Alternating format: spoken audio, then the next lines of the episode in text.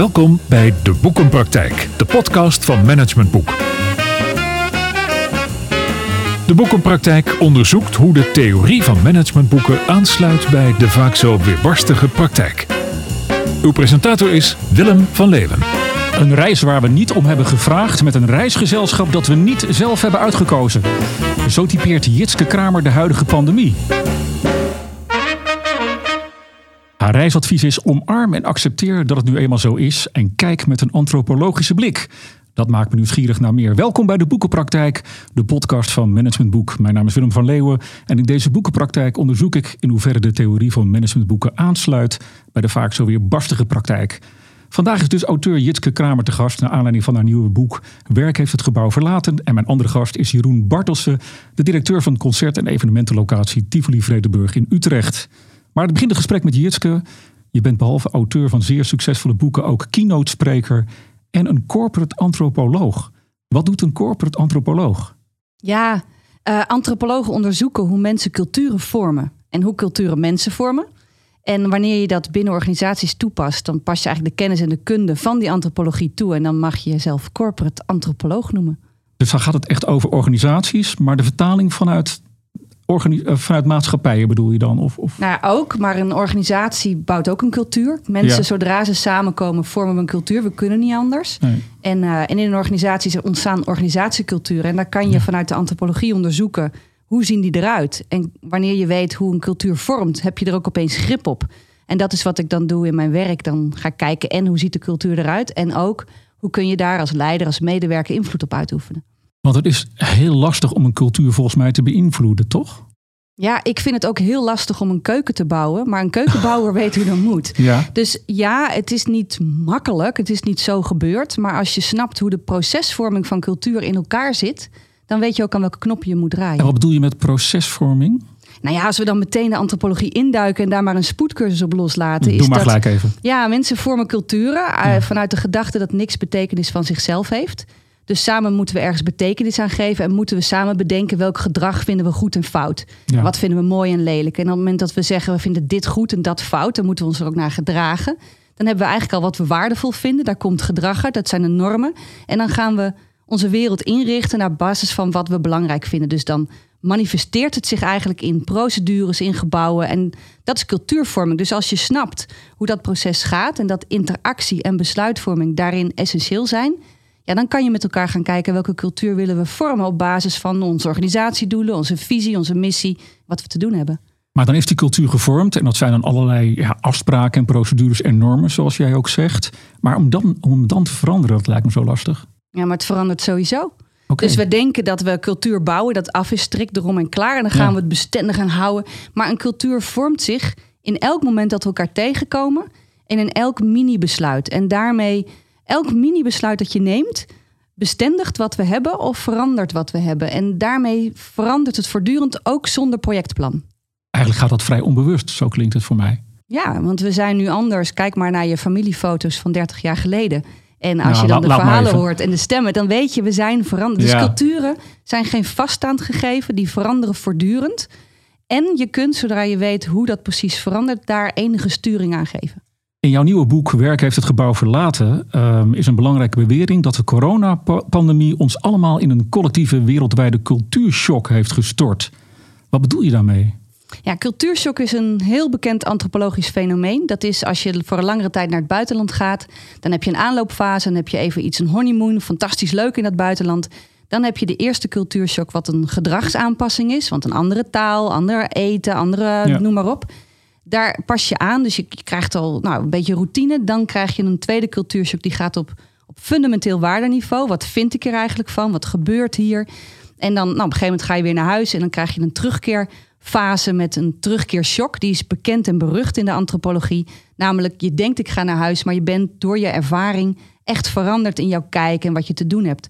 Nou, dit is bekend. En um, toen we vorig jaar, um, nou ja, april ongeveer zaten, toen merkte ik bij mezelf, ik loop hier, ik zit, ik woon in Utrecht, ik loop de stad in, ik, ik loop in een ander land. En ik Mm. voelde in mijn lijf dat wat ik ook heb ervaren in andere landen, dus die cultuurshock. Dat is dan die eerste fase, zeg maar. Ja, nou dat, ja, dat is de eerste shock zeker. Ja. En, en de aanloopfase was toen we toiletrollen en, eh, en puzzels gingen. Blijkbaar hadden we dat bedacht als, als, als onze koffertje voor de coronacrisis. Ehm, en dan had je een soort van euforie, die zag je ook wel. Eh, en, en nou ja, die eerste shock. En, en het voelde voor mij heel erg van dit is een cultuurshock. En dat heb ik, ben ik gaan toepassen als collectief, wereldwijd. Wat een vrij unieke situatie is. En dan nou, en ik denk wat we nu zien is dat we door die fases heen gaan. En dat we op dit moment tussen die eerste en die tweede cultuurshock heen en weer geknetterd worden. En de impact daarvan is, is dat de morele kracht, dus je, je mate van veerkracht en je, je stress, dat die ook heen en weer fluctueert. En, en ik denk dat we daarmee in een bijzondere transitiefase zitten die je als crisis zou kunnen bestempelen. Tijdelijk wat anders en we gaan weer terug Ja. of als werkelijke transformatie? En dat is een vraag die denk ik heel belangrijk is om met elkaar te gaan beantwoorden. Nou, zo meteen vast daar nog wel meer over. Ik wil je ook graag even drie stellingen voorleggen. En eh, de vraag aan jou is om in eerste instantie alleen even met eens of oneens te beantwoorden. En daarna komen we er vast nog even op terug. Hier komen ze. Stelling 1. Een mens is een gewoonte en kuddedier. Dus na de pandemie stappen wij weer massaal in auto en vliegtuig en willen we onze collega's weer gewoon op kantoor ontmoeten. Wegtransformatie. Ja, ja en nee. Ja, je moet kiezen. Nou, dat doe ik niet. Doe het. Nou ja, nou ja oh, nee, eh, pff, eens. Eens. Stelling 2. Echt asynchroon werken, dat is een manier van samenwerken wat jij ook in je boek behandelt, waarbij iedereen zijn eigen ritme en werktijden volgt, is in onze 9 tot 5 maatschappij eigenlijk een utopie. Oneens. Stelling 3. Betrokkenheid van je mensen is beter af te meten aan output in plaats van aan lange werktijden.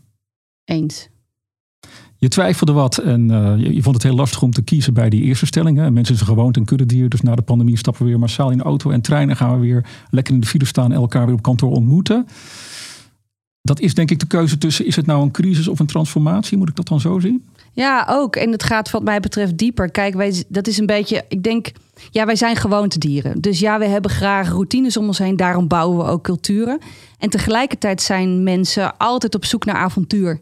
En, en, en zoeken we de grenzen op. En zijn we creatief. En de een weer meer dan de ander op een ander gebied. Maar we hebben allebei in ons. Ja. En ehm, ik denk wanneer we geloven in, in, ja, we zijn gewoontedieren, het kan niet anders, dan wordt het heel moeilijk. Terwijl als we die twee weer naast elkaar zien en zien wij zijn mensen en dieren die, ehm, die de wegen zoeken die mogelijk zijn. Ja. En ook zoeken wat goed voor ons is. En dat is wat nu gebeurt, dat de olifantenpaadjes. Dan kunnen we ook heel makkelijk nieuwe routines invoegen. Maar het punt is, is dat dat ingrijpt op die cultuurverandering. Dus dan terug naar dat korte lesje. Eh, mensen wat we belangrijk vinden en dan die gedrag en hoe het zich manifesteert. Op het moment dat we andere dingen belangrijk gaan vinden, dan hoort Ja. er ander gedrag bij. Maar dan lopen we in een wereld die is ingericht op het oude. Ja. En dat betekent in veel organisaties dat je dan opeens tegen je procedures aanloopt die eigenlijk niet meer voldoen met wat je nu belangrijk vindt. Ja. Nou ja, als je dat in de maatschappij ziet, nou op de kunsten kunnen we zo natuurlijk naar even naar kijken. Maar ook bijvoorbeeld bij scholen. Zeggen, wat vinden we nou waardevol in een schoolsysteem? Ja, is dat, nou ja, eh, leerplicht.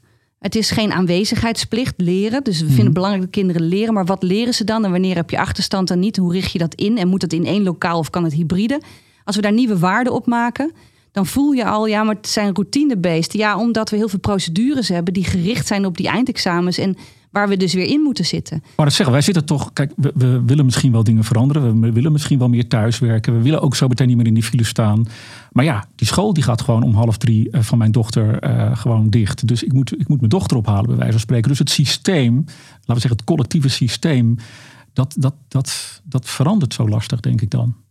Ben ik dan te doen, denk ik? Dat kan natuurlijk ook. Het verandert gestaag. En ik denk wel dat deze tijd laat zien hoeveel experimenteerruimte er is en hoeveel er eigenlijk mogelijk is. En eh, mensen vormen culturen. It's not a given. Eh, dus samen vormen we dat. Dus kunnen we hem ook hervormen. En ehm, dat betekent dat we de verhalen veranderen en, en, en de, de, de moed moeten hebben om met elkaar nieuwe keuzes te maken. En ja, dat heeft grote consequenties. En dat is meteen ja, zo'n voorbode zo naar die terugkeershock. Dus als de wereld straks weer open gaat, op enig moment vervallen echt die maatregelen. Kunnen we elkaar weer in de armen vliegen als we Heerlijk. dat zouden willen. Ja. Ehm, dan is de vraag van oké, maar laten we ons dan weer terug opslokken tot wat er was of, of benutten we de regelruimte nu? En wat daar ongetwijfeld ook gaat spelen is dat cultuur gaat over macht. En macht betekent wie bepaalt, wie heeft de definitie macht, hoe de dingen nu zijn. En de routines die we hadden en de geldstromen die er zijn. Ehm, wanneer we dingen anders willen doen, gaan die geldstromen ook verleggen. Hmm. En dat is natuurlijk spannend. Ja. Ehm, dus als we het niet meer in de auto gaan, twee uur lang. Ik hoor nu ook mensen zeggen: ik ga echt niet meer twee uur in de auto zitten om daarna op, op dat kantoor mijn e-mail te gaan checken. Ja. Nou, het lijkt me heel gezond. Maar Mij dat ook, maar dat, dat, dat zeg ik dan heel stoer. En dan zegt mijn, eh, mijn team waar ik in werk... ja, maar we hebben toch maandagochtend om negen uur op kantoor een vergadering. Ja, daar ben je allemaal samen bij. Dus dan Mhm. komt het op de vraag: maar wacht even, kunnen we naar elkaar luisteren wat we belangrijk vinden? Drijven we elkaar weer toe? Of gaan we terug naar we vinden het belangrijk dat iedereen zijn werk doet op een goede manier? Ja. Het maakt niet per se uit waar. En ja, dan gaat er natuurlijk een domino. Dus je hebt een aantal hefbomen. Dat als ik besluit, ik ga niet meer in de file staan, dan wil ik misschien op een gegeven moment een ander soort vervoersmiddel. Dus het heeft impact op het wagenpark. Als we minder auto's hebben, heeft het impact op de accijns. Dan heeft het impact op wat we belangrijk vinden op de wegen. En nou ja, ik, ik zeg dan altijd misschien dat Amelis Weert dan toch kan blijven bestaan.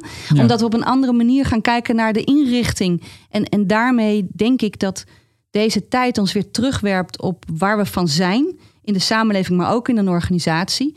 Om weer te kunnen gaan opbouwen. En dan wil ik alleen maar zeggen, terug naar het oude normaal. In dat oude normaal was niet alles normaal. Ik denk dat iedereen die dit luistert op zijn werk met een of ander verandertraject bezig was. Ja. Ehm, dat was altijd de grap, hè? In welke verandering werk jij? Ehm, en dat we terugdenken, er waren, dus met CO2 en klimaat was nog aan de hand. En lerarentekorten en, en allemaal regelgeving die niet klopte. Dus je kan ook nu kijken, wacht even, maar als we daar niet naartoe terug willen, hoe grijpen we deze tijd waar per definitie heel veel chaos is en, en wat normaal was ter discussie staat en regelruimte heeft, hoe kunnen we deze tijd benutten Mhm. om het anders te gaan doen? En dat is een grote vraag, denk ik. ja, ja, en in die zin is een pandemie eigenlijk wel een zegen... om die vraag wat explicieter met elkaar te kunnen gaan stellen. Ja, deze tijd, kijk, een zegen. Ik vind het afschuwelijk hè, als mensen. En, ik, Ja. en, en iedereen die daaraan doodgaat is natuurlijk afschuwelijk. Ehm, maar een pandemie, een crisis maakt zichtbaar wat er is. En de goede dingen worden zichtbaar. Kijk maar, nou ja, naar je eigen relatie en gezin. Alle dingen die leuk zijn aan je partner worden nog leuker. En de dingen die irritant zijn worden nog irritanter. En dat zien we in de samenleving. En, en dat maakt het zichtbaar. Dus we hadden al een kloof tussen arm en rijk. Ja. En die wordt nog zichtbaarder. Wat gaan we eraan doen? Nu, nu kom ik misschien de verkeerde mensen tegen, maar ik kom wel heel veel mensen tegen, zeker in deze tweede, ook wel wat lange lockdown, die, die, die toch wel heel erg eh, aan het mopperen zijn van ik ben, ik ben er nou echt wel klaar mee. Ik ben het echt wel zat. Ja, ik ook. Ja, Ehm, hoe moet ik dat antropologisch verklaren of in termen van cultuurshock? Is dat dan, is dat dan die tussenfase wat jij benoemt in je boek? Ja, dus, dus als je kijkt naar die, die fases die ik schetste van die cultuurshock. ehm, als je dat in een assensysteem zou zien, zit op de, de verticale as. Dat gaat over morele kracht. En helemaal hoog heb je heel veel energie. En helemaal laag zit je heel laag in je energie. En die eerste en die tweede cultuurshock, dat, dat noemen antropologen ook wel, en dat is een moeilijk woord, liminaliteit, limus, tussen grens, het ondertussen. En dat betekent dat wat er was, ja, dat is er niet meer. Dat was bij ons 15 maart. Ik denk, toen kwam een groot ritueel op de nationale televisie. Premier Rutte die zei bam. Ja. En, en daarmee zijn we een, het ondertussen ingegooid. En dat noemen we dan het nieuwe normaal. Wat een rare term is. Het is abnormaal. Het is een buitengewone tijd. En in die twee shocken die gaan over dat gedrag en fundamenteel overtuigingsniveau. Elke keer als je daar doorheen gaat, dat kost heel veel energie. Dus we zijn ontzettend aan het leren. En als je alleen al bedenkt dat een digitale taal letterlijk nieuw is. Online cultuur is nieuw. De, een jaar geleden had niemand, bijna niemand Teams, Zoom en WebEx en Hopin en, en weet ik veel wat allemaal geïnstalleerd. Laat Ja. staan gebruikt. En we moeten dus nu heel rap dat leren. Nou, een leerproces kost gewoon heel veel energie. En, en, en daarnaast, ja, niet naar de kroeg kunnen, niet een mooi concert bijwonen, niet de troost van kunst. Je kan een museum niet inlopen. En daarom ben ik heel blij dat we vandaag hier Ja. zitten. Ehm, de voeding en het, ehm, de begeleiding over je, je gedachten herordenen en de verbeeldingskracht aanspreken. Maar hoe kan die toekomst er dan uitzien?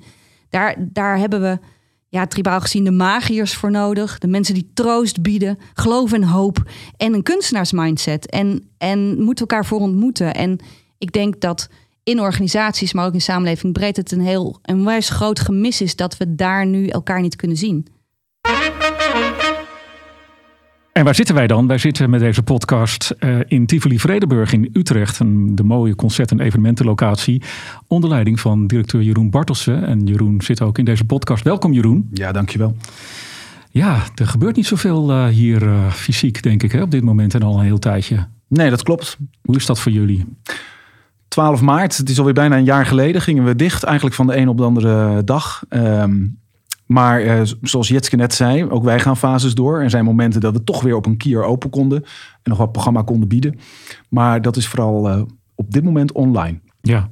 Betekent dat dat jij de hele dag uh, een beetje zit duimen te draaien? Of wat, wat, wat doe jij dan?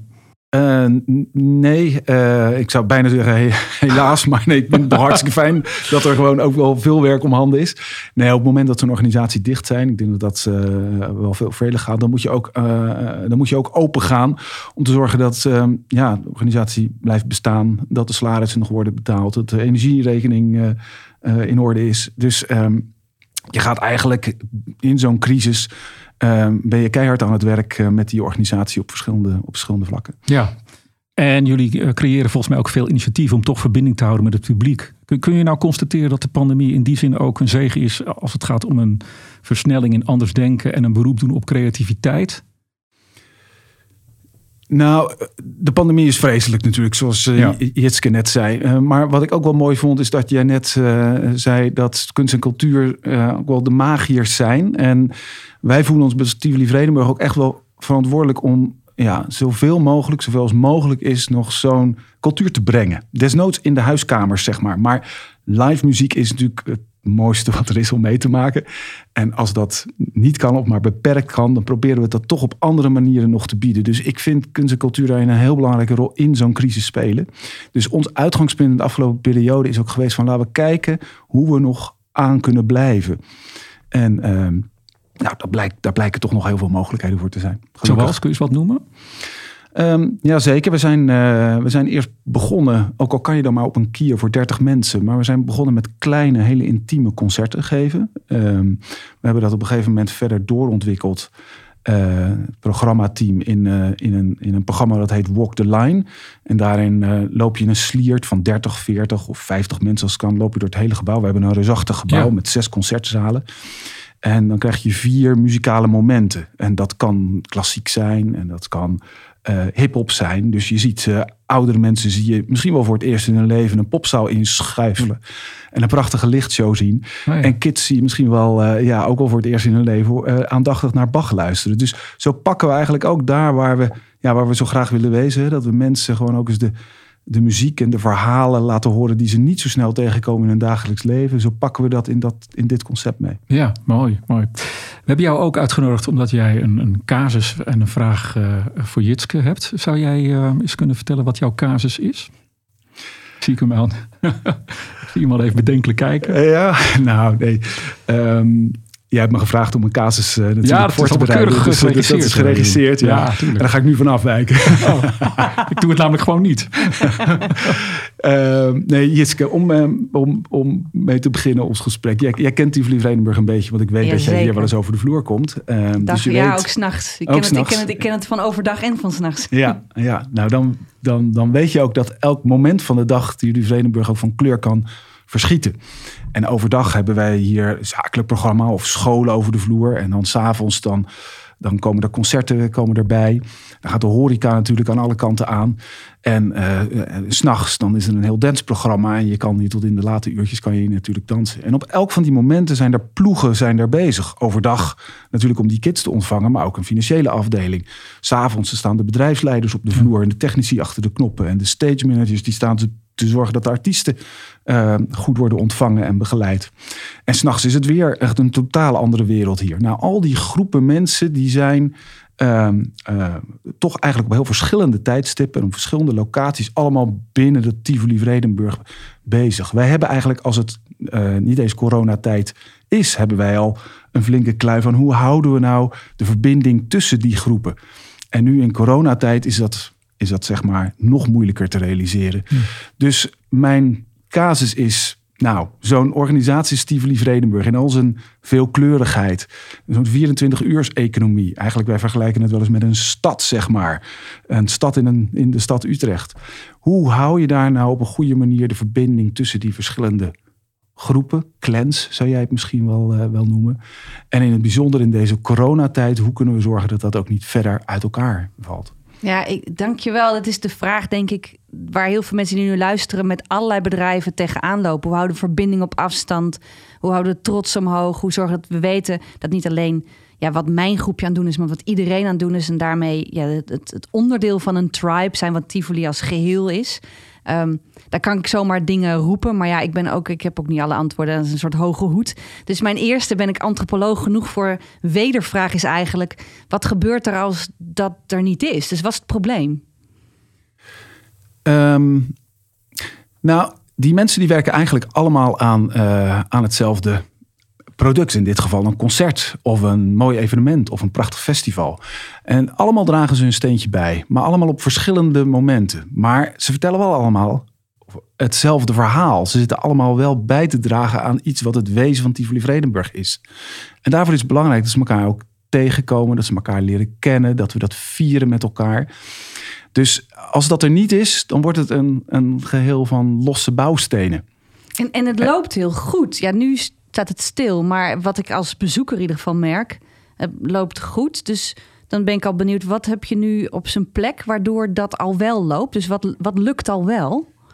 Um, de manier, de verbindingen nu uh, zijn natuurlijk, nou, het begint met het koffiezetapparaat waar je elkaar tegenkomt. Maar lang niet iedereen, want we zijn, zoals ik net vertelde, ook s'nachts uh, open. Dan wordt het koffiezetapparaat overigens ook gebruikt, misschien nog wel meer dan overdag. Maar dan staan er andere mensen bij. Dus we proberen rituelen, denk ik dat jij dat noemt, te creëren. Dat zijn bij ons vaak de concerten zelf, hè, de plekken waar je die mensen uh, ontmoet. En in coronatijd zijn er die niet. Dus we zijn echt op zoek naar andere manieren om nou ja, die cultuur met elkaar te maken. Ja, en, en wat ik al mooi vind is als je kijkt naar die hele eigenlijk keten van al die actoren in het proces om uiteindelijk dat fantastische concert te hebben en elkaar ontmoeten, dan kan me voorstellen dat, dat het heel lekker is om elkaar in die concertzaal te ontmoeten bij het eindproduct. En dat daar de uiteindelijke dorpsplein plaatsvindt. Maar in hoeverre zijn de mensen die op dat stuk aan het werk zijn ook op de hoogte wat er bij de administratie gebeurt. Dus in hoeverre is de, de trek naar die kant er ook op dit moment? Ja, dat is, een, dat, is een, dat is een heel goed punt. Wat je ziet, ik denk ook wel in andere organisaties, is dat je natuurlijk vaak viert het eindproduct. En aan het eindproduct zijn natuurlijk vaak de helden, degene die daar of het laatste zetje aangeven of daar uh, uh, de, de initiator van zijn geweest. Terwijl juist daaromheen zoveel mensen zijn die daar ook aan bijdragen ook een administratie. Uh, ook uh, iemand die bij ons de, de, de, koffieapparaten onderhoudt. Dus uh, inderdaad, hoe, hoe zorg je dat je die cultuur ook met elkaar, of die, die, die, nou, die, die, die prestaties, zeg maar, ook met elkaar deelt op de punten waar die mensen zijn. En, en ook hun bijdrage waardeert. En zichtbaar maakt. En ik, ik denk dat dat. Um, ja, dat, dat vraagt creativiteit, inderdaad, rituelen om dat uh, te vorm te geven. En wat daarachter ligt is, als mensen elkaar niet tegenkomen, als er geen interactie is, dan kan er ook geen cultuur ontstaan. En uh, die interactie is, is letterlijk elkaar tegenkomen, maar kan ook op afstand zijn de verhalen die elkaar dragen. En dan is het interessant, zijn alle verhalen dan op even grote belangrijkheid? en, en even sexy, zullen we maar zeggen. En, uh, en ik denk dat je daarin kan interveneren. Dus je ziet het bijvoorbeeld in productiebedrijven waar ze ook 24 uur cyclus hebben, waar dan drie shifts elkaar ja, afwisselen, elkaar fysiek nooit tegenkomen, maar wel de hele tijd met elkaars werk geconfronteerd worden. Um, grote tribes, als je dat frame pakt in Afrika, dat zijn hele of, of elders in de wereld, op allerlei plekken maken we tribes. Dat zijn hele grote groepen die elkaar weten dat ze met elkaar verbonden zijn vanwege het verhaal. En dat verhaal heeft iedereen zijn plek in. Dus helden, nou, we hadden daar in de, voordat we hierin zaten al heel even over. Wat is het beeld van een held? Ja, we willen helden hebben. En ik denk dat Tivoli is een plek waar letterlijk muziekhelden komen. Dus waar in welke zaal je staat, maakt ook nog uit. Uh, maar ja, in die coronaperiode komen die helden nu juist niet. Dus dat, dat nee, dus je moet lastig. dat verhaal eh, op een andere manier voortbrengen. En ik denk dat we daarbij een beetje bij een punt komen waar, waar we echt moeten accepteren, en dat zei je al een beetje in die intro, dat het gewoon niet zo'n hele leuke reis is. Dus een, een stuk zit, denk ik, het contact wat er nu is, is aan de ene kant ehm, de energie hoog houden. Dus uh, uh, talkshows en nou ja, allerlei interventies om het verhaal lekker te houden. En ik denk dat een stuk van de verbinding die er nu is, um, het gemis delen. Ja, kan dat ook in, in die. Um, ik vind het wel een, een, mooi voorbeeld. Daar kwamen we eigenlijk ook wel op. Kijk, je probeert van alles om de verbinding te houden. Dat gaat inderdaad bij ons van talkshows tot aan een wekelijks bericht. Uh, en teamleiders die die quizzen organiseren. En uh, dus op alle mogelijke manieren probeer je die verbinding te houden. Maar we, we, zitten nu ook wel in een moment in de crisis dat de blues over het land uh, ligt. hoort daar wat jou betreft ook bij dat je dat gewoon ook even kan erkennen en zeggen van nou, het hoeft even niet. we kunnen ja, daar inschieten. Ik, dat denk ik. Ik denk dat uiteindelijk um, echt contact sowieso wel ontstaat. Niet per se doordat we elkaars ja, topdingen delen. Maar een echt contact ontstaat als ik jou mijn angst deel. En ik zeg, ik, ik loop je tegenaan. En dan luister je en dan hebben we een ervaring, een herinnering gebouwd... die vele malen dieper gaat dan... Uh, ja, ik heb toen dit gedaan, weet je. Dus het is zoeken. En ik denk dat, dat wanneer die blues er is... en kijken naar die transformatie en transitie... is het ook een stuk wat gaat over... waar zijn we dan nu? Even stilstaan bij waar we zijn. En dat hoeft niet um, vertwijfelend, uh, totaal uit het lood, maar wel aandacht geven wat er is. En wat we denk ik vaak vergeten is de stilte opzoeken. En, en wat ik mooi vind als het gaat over muziek, muziek ontstaat in de stilte tussen de noten. Um, want eigenlijk wanneer je één geluid hoort, dan ga je hersenen kijken waar gaat het volgende heen. Dus het is in het ritme de stilte opzoeken en daar een mooie uh, plek voor geven. Uh, ik denk dat voor mij wel heel, heel poëtisch hoor. In, ja, in, maar dat ritme de stilte opzoeken. Ja. Ik, ik wil toch nog heel even terug, hè, want um, dat woord blues, dat, dat ken ik ook wel uit, uit mijn omgeving. Ook mooie muziek. Ja, zeker, zeker. Misschien wel heel toepasselijk in deze tijd. Maar betekent het ook dat je zegt dat die verhalen die je met elkaar deelt, dat dat nu, een, dat het nu ook een kwetsbaar verhaal mag zijn? Dat we ook even met elkaar mogen jammeren en een soort partners in crime met elkaar kunnen zijn. Is, is dat wat je zegt? Als dat het verhaal wat er is, dan moeten we dat ook met elkaar durven delen. En ik denk dat als het gaat over die fundamentele manier van wat is dan waardevol en wat missen we dan nu, dat zit ook daar. En um, uh, wat wij bijvoorbeeld met onze organisatie doen, uh, we hebben veel mensen die Deep Democracy bij ons volgen, de trainingen. En we hebben gewoon een open invite gedaan voor mensen die dat willen. En één keer per week hebben we een moment waar we alleen met elkaar delen hoe het met je is eigenlijk. En daar komen 30, 40, 50 mensen elke week op af die we helemaal niet kennen, totale vreemden. Maar die zeggen wat lekker om gewoon even te zeggen hoe het met me is. En, en ik denk dat dus het zoeken van verbinding ook gaat over ruimte creëren voor dat wat er is. En, en ja, dat klinkt wat poëtisch. Uh, en dat zal veel managers zeggen, nou, uh, maar dat is precies wat er nu nodig is. Ja. Dus dat is die kunsten die zorgen ervoor dat je, dat je even stil kan staan. Dus ik heb ook een manager die zei, ik, ik, ik ga management bij poetry doen nu. Dus die stuurt elke week een gedicht wat haar raakt en vertelt. En, in haar branche en bij haar mensen past dat heel erg. Want je komt er op die manager. Dan kom ik misschien ook even op, op de rol van Jeroen hierin als directeur. Uh, wat, voor type, is misschien een grote vraag, maar wat voor type leiderschap vraagt dat op dit moment? Vind jij, Jitske? Nou, het vraagt twee soorten leiderschap. Dus als je kijkt naar zo'n fase, zo'n liminale fase.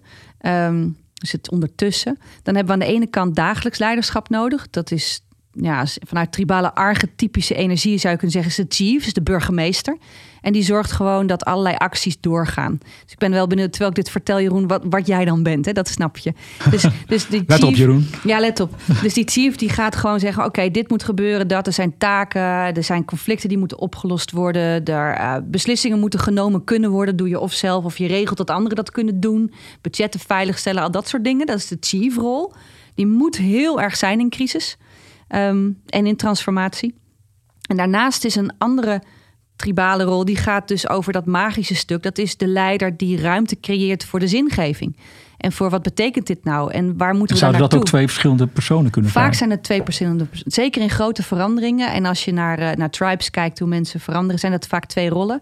Omdat het ook twee um, pakketten van vaardigheden zijn. Ja. Dus een, een, een magier is uh, in contact met nou ja, de, de, de visie en de, de, missie van je organisatie. Die zorgt voor de transformatiegesprekken, die zorgt voor de verbeeldingskracht. Die maakt dat er een ritueel is. Dit zijn de rituele makers. Ja. Die zorgen ook dat er die momenten zijn waarin we even naar de lange termijn kunnen kijken. En, en daar heb je natuurlijk die chief en die magier werken het liefst heel goed samen. En soms zijn het dezelfde mensen, maar vaak is dat op lange termijn een beetje moeilijk om er allebei tegelijk te blijven doen. Want je wordt back af van. Als je, dus je Jeroen, dat waar nou- ben als- jij? Ja, Eh, gelukkig hebben wij hier in deze organisatie meerdere chiefs en misschien ook wel magiërs. Eh, ik vorm een drie, eh, maar ben onderdeel van een driekoppige directie.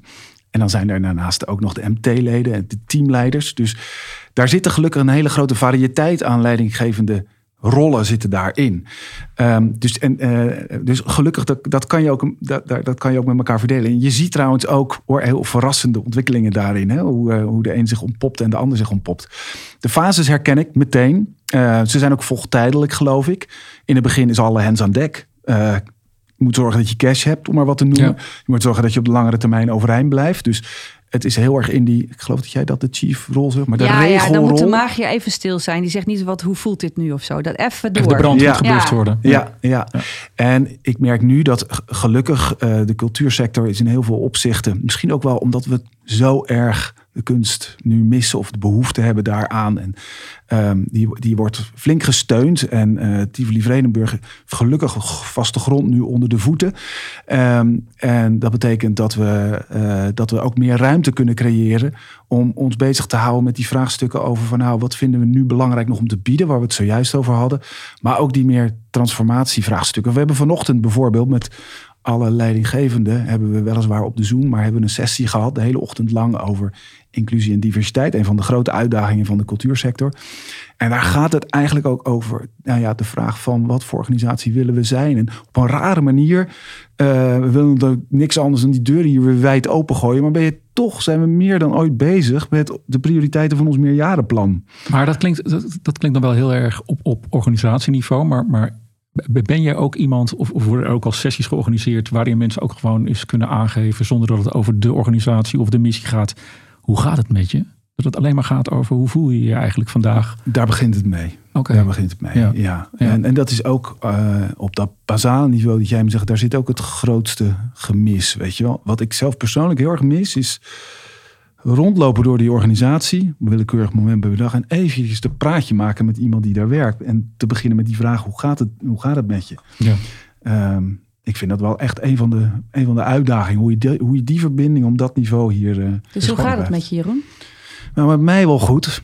Maar ik heb ook wel echt last van de januari blues nu. Ehm, en ehm, nou ja, ik heb gelukkig een, eh, een gezin dat het eigenlijk gewoon best wel goed doet. Eh, we hebben plezier met elkaar. Die, eh, een paar knullen in de puberteit. Die, het had ook de andere kant op kunnen gaan, maar die houden de boel lekker levendig. Ja.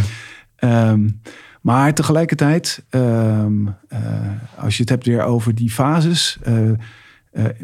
volgens mij geldt dat voor Nederland meer in het algemeen gewoon. We zitten gewoon echt wel even nu in een pittige tijd. Ik mis wel, dringen we ook heel erg op aan. Ik mis ook wel gewoon op dit moment van het kabinet een wat, een, een wat duidelijker perspectief op de exit. En wat kunnen we weer doen als de besmettingswaarden naar beneden gaan? En ik begrijp dat alles nu op standje lockdown eh, gaat. Maar als je het hebt over een hoop en moraal voor de samenleving en ook voor ons, is het zo belangrijk dat je ja, ongeveer weet dat als die besmettingen wat omlaag komt, dat je dan weer naar een festival kan. Dat je dan weer open kan gaan. Misschien mag het kabinet, behalve zeg maar dat perspectief... ook wat meer de rol van magier in zich hebben dan. Ja, het is een interessante. Wie, wie pakt die landelijk op? En ik, daar zit echt wel een gemis. En dan het enige, ja, de landelijke plek waar het verhaal en het kampvuur, noem ik het ook, wat eens plaatsvindt.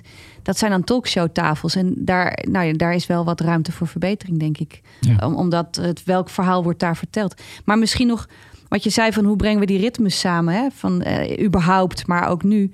Ehm, ik denk het is, zit hem in andere activiteiten organiseren, zoals een bingo en weet ik veel wat je allemaal kan doen en een talkshow.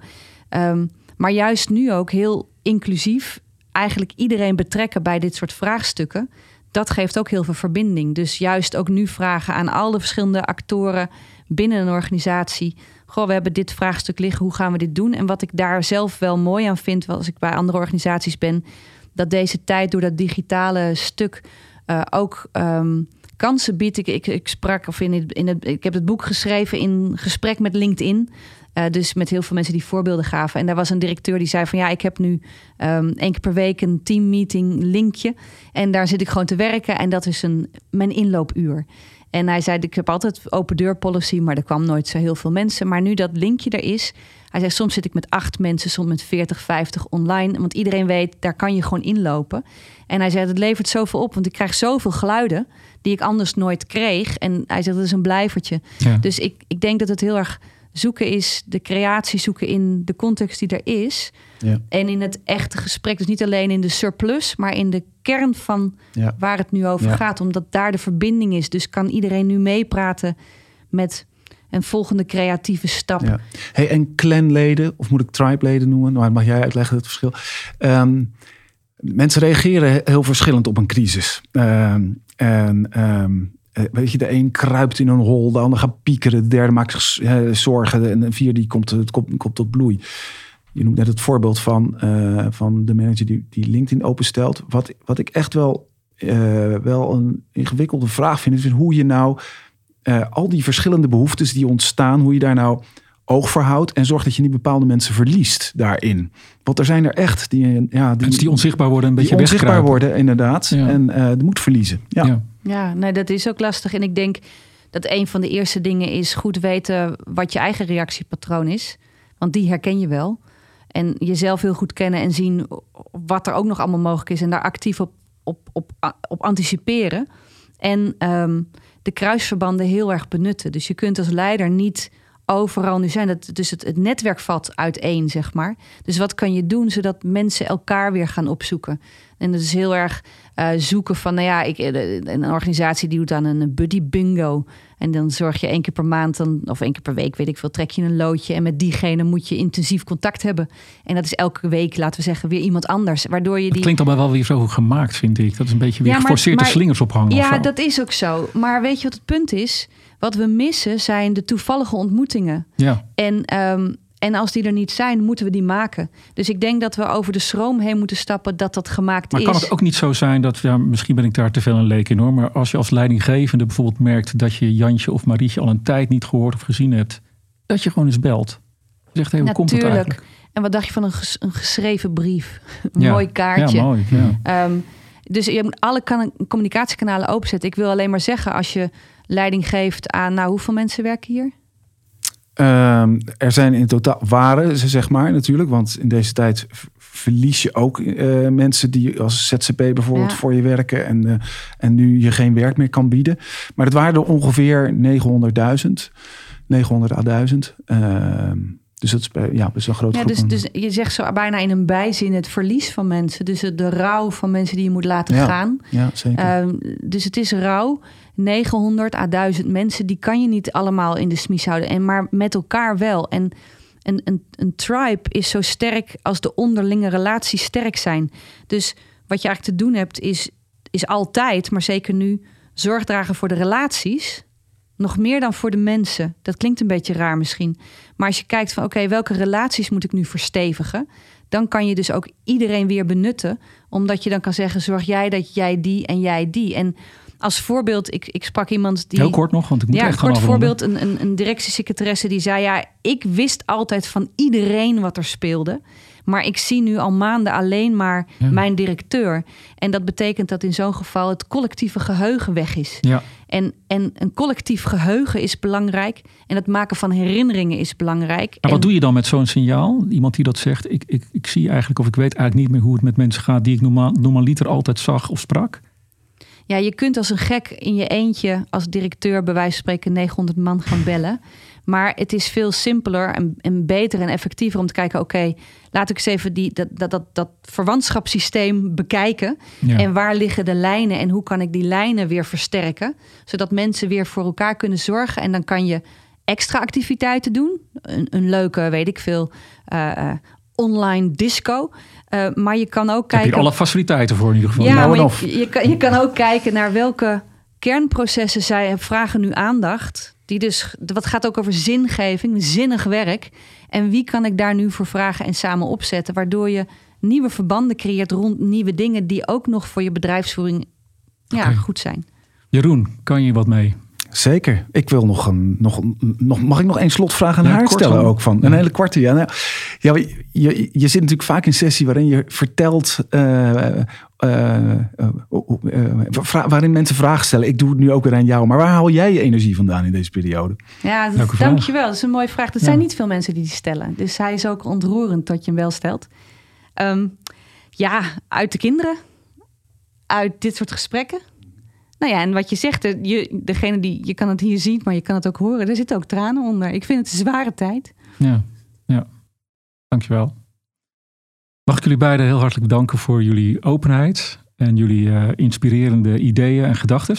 Ik heb weer veel geleerd, ook over hoe we deze pandemie en alles wat erbij komt ook kunnen gebruiken om te vernieuwen.